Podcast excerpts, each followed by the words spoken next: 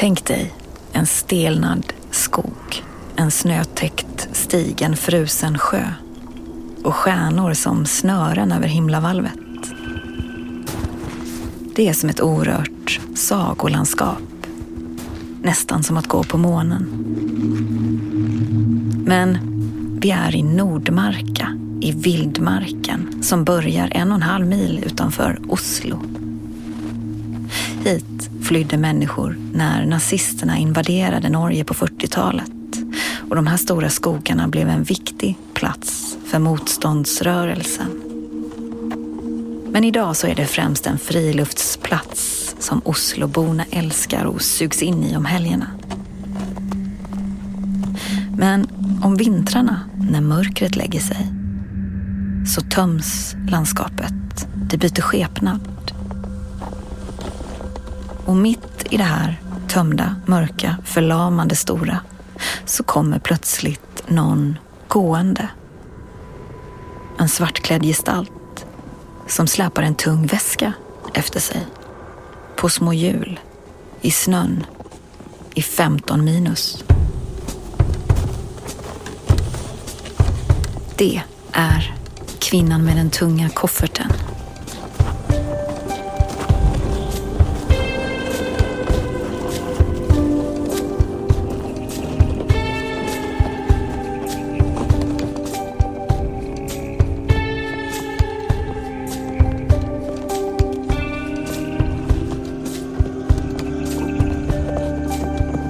Third Studio presenterar Kvinnan med den tunga kofferten.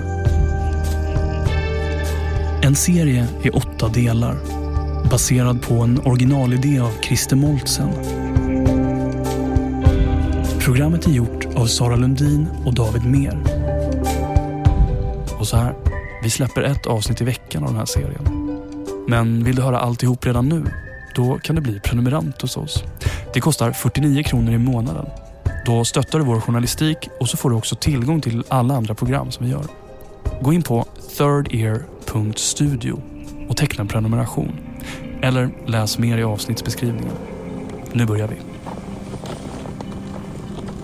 Del 2. I natt är du död. Ja, Kikkertstua er jo en stor, eh, brun hytte. Långt in i de djupa skogarna norr om Oslo ligger en brun stuga. Ett skidhotell med röda dörrar. Kickutstua. Där luktar det skidvax, våfflor, fukt och eld. På vintern kommer de flesta gäster hit på skidor under de få timmarna av dagsljus. Men kvinnan med kofferten, Hun gikk på veien. hon kommer till fots Ja. I mörkret. ja, da går du jo langt. Det är ungefär 11 kilometer att gå från motorvägar och närmsta busshållplats. Så det betyr at hun har dratt denne trillekofferten med ikke så veldig store hjul på snøføre.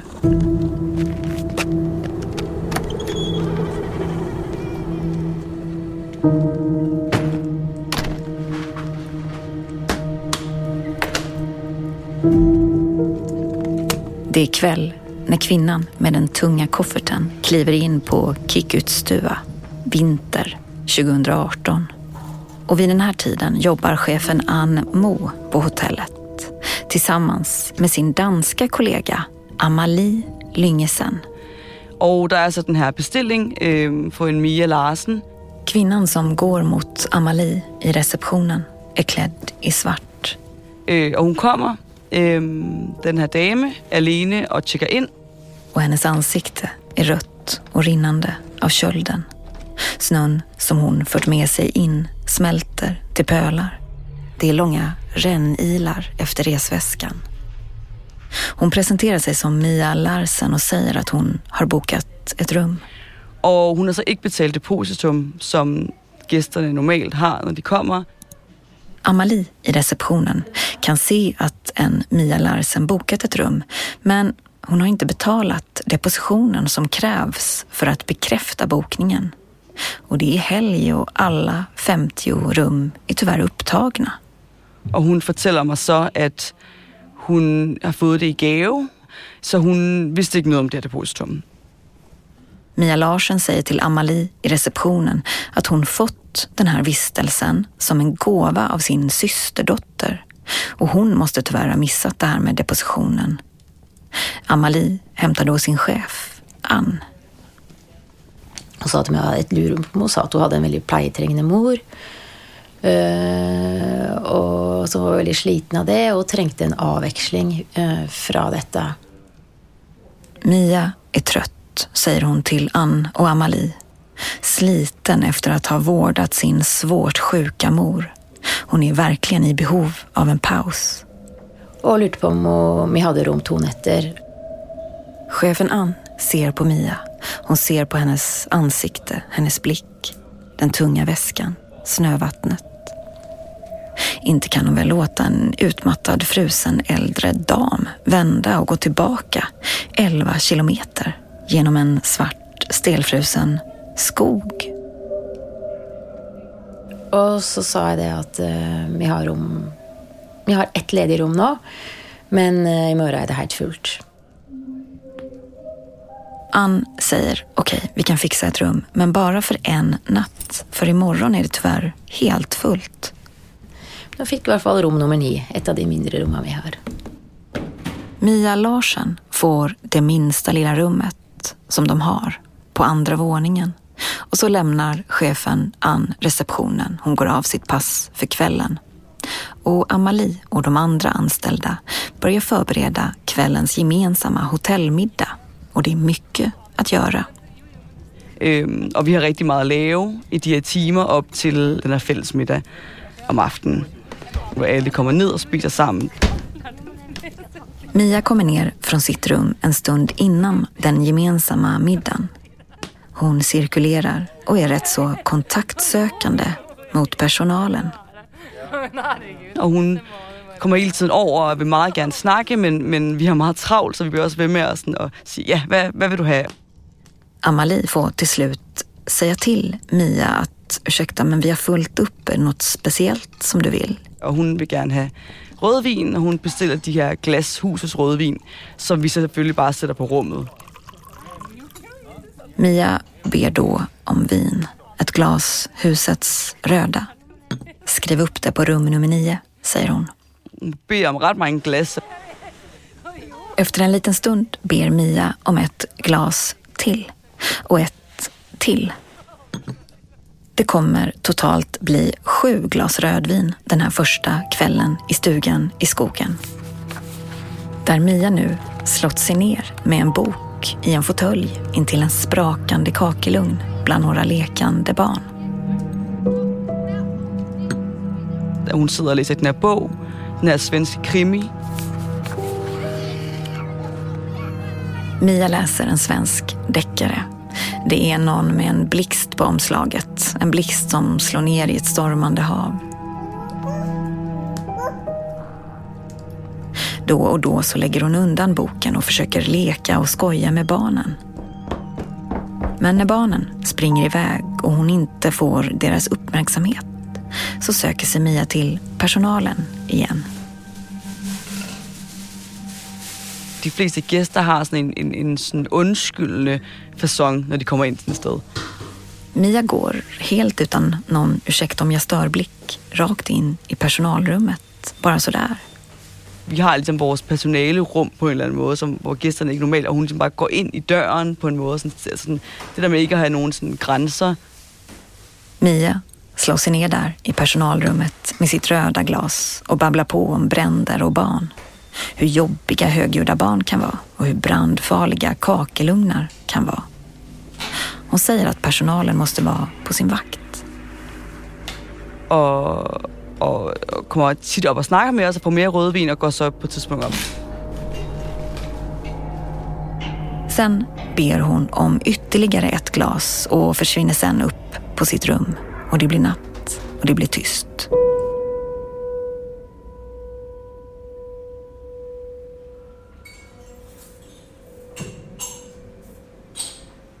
Dagen efter, øh, efter vi har haft morgonbuffeten, så kommer hon ned. Morgonen efter, när frukostbuffén är undanplockad, så kommer Mia ner till receptionen där chefen Ann då står. Och Mia undrar om inte hon kan få stanna en natt till trots att hon vet att de är fullbokade. Och då sa jag som det var att dessvärre så är jag fullt om jag har ju väntelister. Och då blev jag rasande. När Ann förklarar att det tyvärr är fullt så blir Mia Larsen fly förbannad och skäller ut Ann efter noter.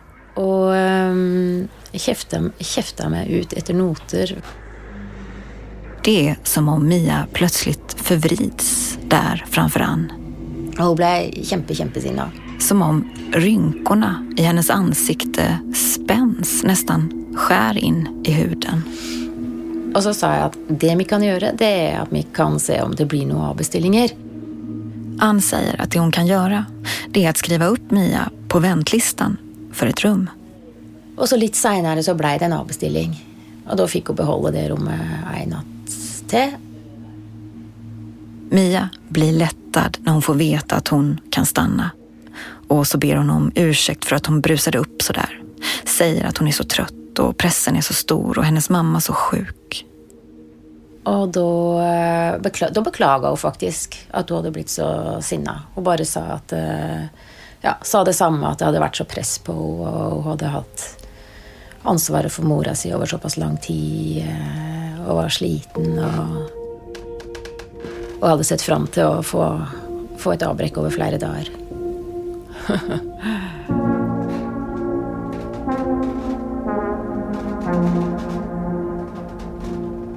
Mia försvinner upp på sitt lilla rum igen och syns inte till mer den kvällen. Och morgonen efter syns hon inte heller till. Øhm, men igen, hon har också fått mycket rödvin så vi tänker måske hon hun bara gået kold op på værelset eller eller andet. Øhm, Amalie och Ann tänker att kvinnan med den tunga kofferten säkert passar på att sova ut. Kanske blev det till och med lite mycket rödvin igår igen. Men när hon inte kommer ner till receptionen långt efter utcheckningstiden, ja, då går Ann och Amalie upp till hennes rum. Jag sa bara, de har ju bara bankat på. Bara höra om hon vill komma. Men ingen öppnar och dörren är låst inifrån. og hun svarer ikke, så vi ender med bare at låse op. Amalie sätter huvudnyckeln i låset, öppnar. Og hun er ikke, hun er ikke derinde. Rummet är tomt, fönstret vidöppet och vit vind viner in. Øh, men nøglen ligger så, den der skinøgle ligger så på sengen. Men hon har lämnat kvar tre saker. Sammen med den bog, hun læste. På sängen, på lakanet, ligger eh, nyckeln till rummet. Där ligger också boken med blixten i det stormande havet som Mia tidigare satt och läste. Det är en deckare av Vivica Sten. Titeln på boken. I natt är du död. Och bredvid så ligger det en liten handskriven lapp också. hvor der står, jeg overgår ikke mere. Det står att det varit för mycket oväsen på hotellet. Jag orkar inte mer. Og så øh, er der lidt sådan lidt blodigt på lanet, sådan meget lidt som... Øhm, Och så är det en liten mörk fläck på lakanet. Det ser nästan ut som blod. og, og vi går ligesom hen til vinduet, og sådan, hvad, altså, hvad fanden har hun hoppet ud af vinduet? Ann och Amalie springer fram till fönstret och ser ut, ser ner. Ja, to, tre meter. Men de ser ingen Mia Larsen liggande där nere i snön. De ser inte ett enda spår. Vad fan är hon? Var har hon tagit vägen? Har hon hoppat ut här och sen försvunnit? Tänk om hon gått genom isen eller dränkt sig i sjön. Det blir panik bland personalen.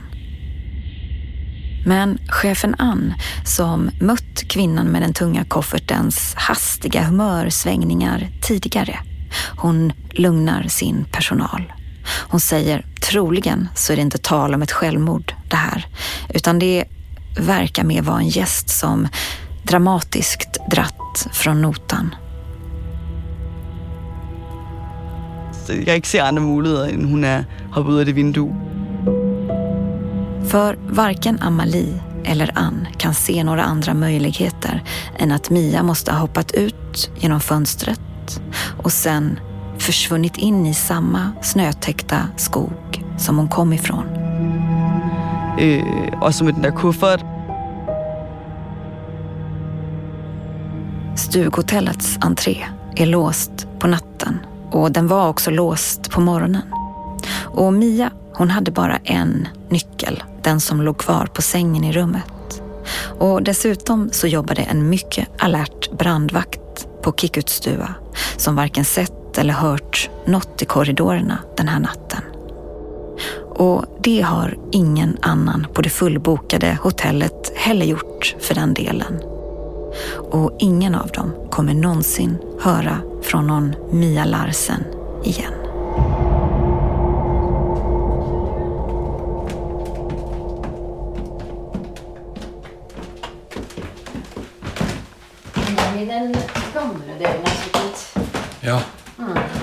Jeg ser det er litt mer sånn slitt gulv. Fyra år efter det att kvinnan med den tunga kofferten försvann spårlöst från Kikkutstua så besöker Lars Åveland det här stughotellet. Men det lukter grønne såpe av gulvet. Lars är, precis som Christer, en kollega till mig. Han bor i Norge och det var han som satt ensam i kapellet på begravningen och stirrade på den nakna kistan. Ja. Nu, nu går han med chefen Ann genom de såpadoftande korridorerna till Mias gamla rum, nummer nio. Rom nummer ni er siste rom på høyre hånd. Den gamle avdelingen. Well, um, after the funeral I needed answers. Lars, han kommer att prata engelska med oss nu, eh, så det kanske blir lite lättare att hänga med. Answers tied to who was she really? And I knew many of the things she'd done in Denmark already, but I also knew that there were similar stories here in Norway. Um, and the first one that caught my eye was this story about how she had vanished from a ski hotel. Altså her det, Dette er vinduet som sto åpent. Ja. How could she have disappeared throughout the woods during the middle of the night in 15 minus degrees on, on snow with her trolley suitcase without anyone noticing? I mean, that's absurd, right? It didn't make any sense. Um, and then, of course, I had to go there to seek answers for myself. Det er ganske lite vindu man komme seg ut av. Ja, det er veldig lite vindu. Lars tittar ut genom det lilla fönstret i rum nummer nio. Hvor høyt vil du si at det er ned? To meter? Eh, vi sier at det er høyere enn to meter. Du, kan jeg få å komme meg ut den veien som Ja. jeg kom ut? Det kan du gjøre. Ok, nå forsøker jeg å gå gjennom vinduet. Lars kliver ut på taket, Forsiktig med takpanne. Ut på takpannorna. Åh, Och här, exakt här på taket, fast för fyra år sedan, så måste kvinnan med kofferten också ha varit. og så hoppe helt ned her. Jeebus. I knew I had to feel it, you know? like what she had felt up there. Altså, det er ganske langt. The height, the view, the wind. Um, I knew that there would be some sort of an answer there, like somehow. Jeg tror at jeg skal legge igjen opptakeren på taket før jeg hopper i. Because if I can't do it, like, I just thought then, then she couldn't have, you know? Lars lägger ifrån sig bandspelare och mikrofon på taket. Och så hoppar han. Ja, det er solid hopp, altså. Det är ett rejält hopp och det gör ont. Yeah, it hurt. I had to, the next day I had to order treatment for my back. Like a like a physiotherapist. I still feel it in my back to be honest. Men hur lång är du då? Betänk nu att Lars är 1,95. Han tränar klättring och är betydligt yngre än kvinnan med kofferten som vid tillfället är 61 år, möjligen sjuk och präglad av ett långt kringflackande liv. Och dessutom så har hon en tung rullväska att släpa och dra på. So if I couldn't do it, I just thought, you know, then that couldn't have been her way out. Or if this is is it just something that she wants us to believe?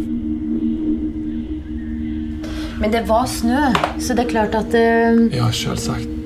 Men det är klart, säger chefen Ann, när kvinnan med kofferten var här, då var det snö, mycket snö. Och om hon nu hoppade från taket så kan snödrivorna möjligen ha minskat hennes hopp med ungefär hälften. Men allikevel, det är ganska tufft. Men trots snön måste det ha varit svårt. Ja, men du har ju stått liksom till höften i snö va? Och snön måste i princip ha slukat hela Mias underkropp. Och det fanns inga tydliga spår efter varken henne eller resväskan på hjul.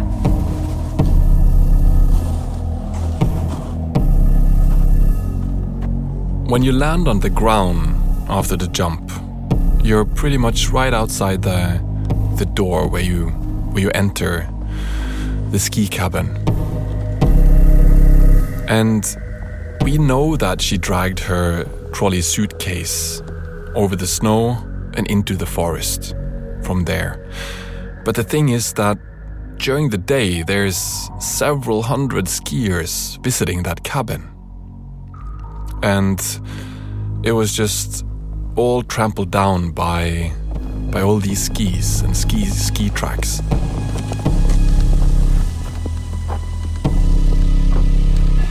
Men alla hundratals spår i snön har en sak gemensamt. Alla leder mot skogen.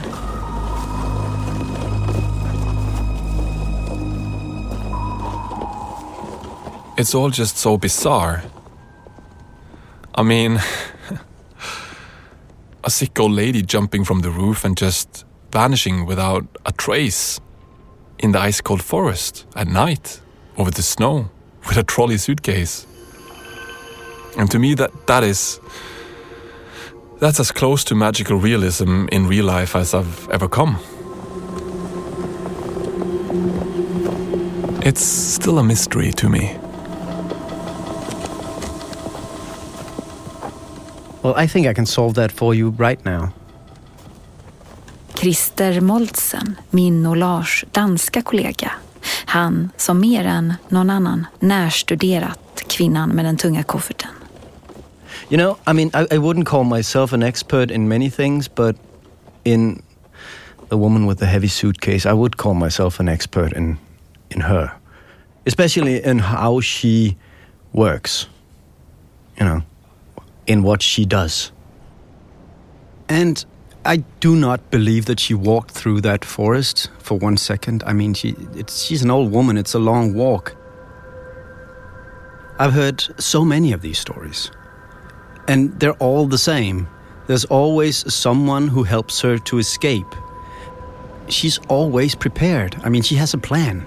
She always had a plan. And I'll show you how that's how that works because that is what I have been studying for years now. Her modus operandi. How she does it.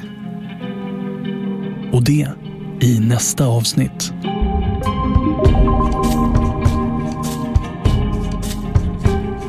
Du har hört den andra delen av Kvinnan med den tunga kofferten av Sara Lundin. Producerat av David Mer. Den här serien är baserad på det danska originalet Kvinnen med en tung koffert och är ett samarbete mellan oss på Third Year Studio i Sverige och våra kollegor Christer Moltsen i Danmark och Lars Christian Överland i Norge. Ljudmix av Gustav Sondén och Elin Rosenberg. Originalintervjuerna på danska är gjorda av Christer Moltsen. Lars Christian Överland och Peter Dattland har gjort de norska intervjuerna. Sara Lundin de svenska. Seriens originalmusik är komponerad av Tim Hinman. Det förekommer också musik skriven av Joel Lysarides och Jukka Rintamäki. Vignettmusiken är skapad av Jonathan Johansson och David Lindvall. Serien är producerad av Third Year Studio. Ansvarig utgivare är Martin Jonsson. Tack för att du lyssnar.